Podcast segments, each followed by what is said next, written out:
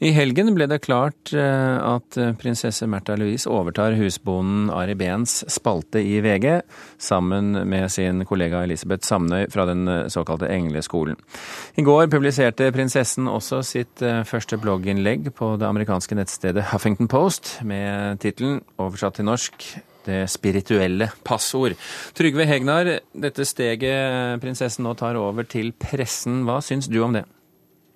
Ja, jeg er ikke veldig begeistret for det. Jeg har eh, ment at en som bærer en prinsessetittel i Norge, ikke burde drive med salg av kurs og bøker når det gjelder da hvordan man skal snakke med engler eller hester eller døde. Jeg mener at det har gitt denne form for næringsvirksomhet, den kommersielle virksomheten hennes, en form for troverdighet eller kvalitetsbevis eller en såkalt opphøydhet eh, som jeg mener er falsk. Og Derfor har jeg vært imot da at hun har drevet den virksomheten med denne tittelen. Og så tar man kanskje da skrittet ett et, et, litt lenger ved da å plutselig bli da spaltist i VG, fast spaltist hver en gang i uken.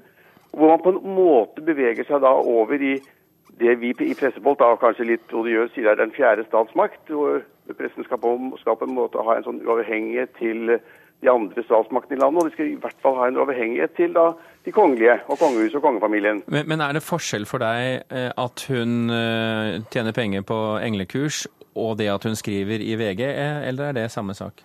Nei, jeg syns det er forskjell på det. Jeg syns det at man har solgt inn da produkter som jeg ikke er særlig glad for, eh, men som mange mener er eh, aktverdige og gode, ved sin prinsessetittel, dvs. Si at man da bruker det i markedsføringssammenheng, det mener jeg er tvilsomt. Det burde ikke skje.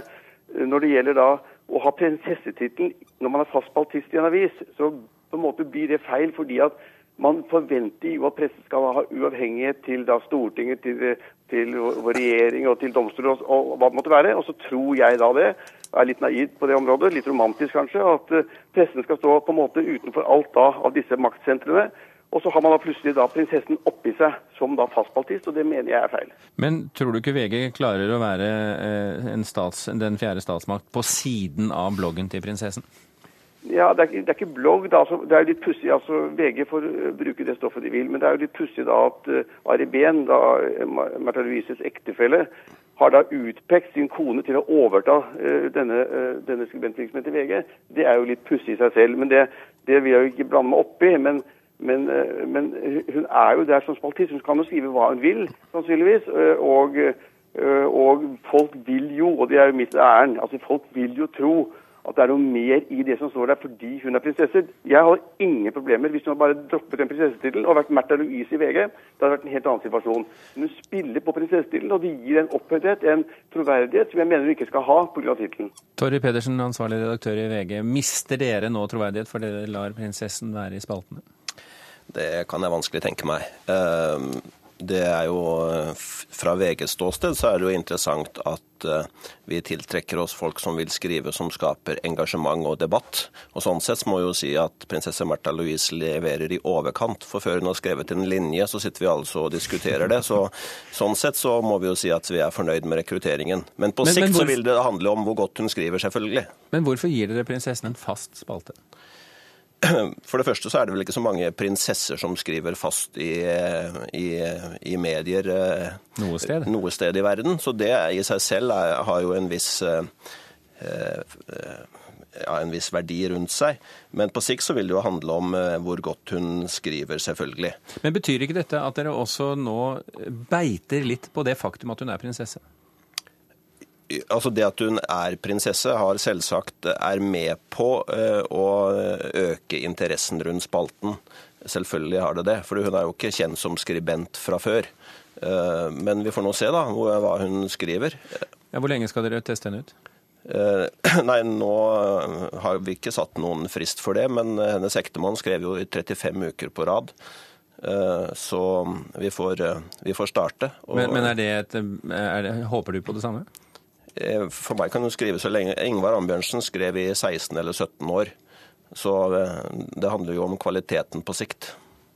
Karl Erik Grimstad, statsviter og eh, kongehuskommentator. Hva tenker du om at Märtha skal bli spaltist i VG? Jeg klarer ikke å hisse meg så voldsomt opp over dette her. Men for å ta dette alvorlig, så kan man kanskje si at dette har noe med ytringsfrihet å gjøre, det også. Jeg, jeg tar ikke helt inn over meg dette her med statsmakter som, som Hegnar trekker opp her. For ja, La oss nå si kongen hadde lyst til å, å skrive i VG, så måtte det være helt, helt greit. Det er, ikke noe, det er jo ikke ytringsnektelse for, for noen om de tilhører den ene eller den andre statsmakten. Jeg klarer ikke helt å hisse meg opp over det. Men, men, kan VG komme dårlig ut av det, hvis hun skriver noe som eh, egentlig VG ikke ville hatt i spaltene sine, hvis ikke prinsessen hadde skrevet det? Ja, Det måtte i så fall være når det dreier seg om troverdighet. Da. Men det er klart at dette er en uavhengig spaltist som jeg, som jeg ikke tror VG vil legge noe bånd på for å, å, å skrive i, i, avisen. Det er klart at VG tenker kommersielt her. og hvis, hvis, det skjer noe med VG her, så måtte det være at de tjener lesere på det. Hegnar har jo både skrevet i Finansavisen, og du hørte han si det her også, at hadde hun bare sagt fra seg prinsessetittelen, så ville det vært greit. Ser du det poenget? Ja, eh, Den debatten der er ganske gammel. Altså Hun, eh, hun frasa seg eh, jo sin, eller ble frasagt, jeg vet ikke hva, denne hennes kongelige høyhet-tittelen da hun begynte med kommersiell virksomhet. Hun er jo prinsesse, enten hun har det i navnet sitt eller ikke. Hun tilhører jo kongefamilien. Og Jeg kan ikke helt se at, at, det skulle ha noe med saken å gjøre. Hun er en person som på mange måter har ønsket å distansere seg fra dette kongehuset i sin, i sin, virksomhet. Hun oppfatter seg vel egentlig som et helt vanlig menneske. og Da, og da syns jeg vi skulle begynne nå å, å, se på det hun skriver, og vurdere det. Eh, den dagen vi ikke den dagen vi nekter oss det, den øh, gleden å kritisere henne for det hun holder på med, og da, da begynner det å bli virkelig alvorlig. Eh, Trygve Hegnar, i gårsdagens lederartikkel i Finansavisen så skrev du at VG trenger gode skribenter, ikke prinsesser. Er det en motsetning? Nei, jeg mener at VG trenger gode skribenter, og det har de også. Eh, men det er, det problemet er at jeg er veldig opptatt av pressens uavhengighet. Kanskje i litt ekstrem grad, og det tror jeg også eh, Torry Pedersen er.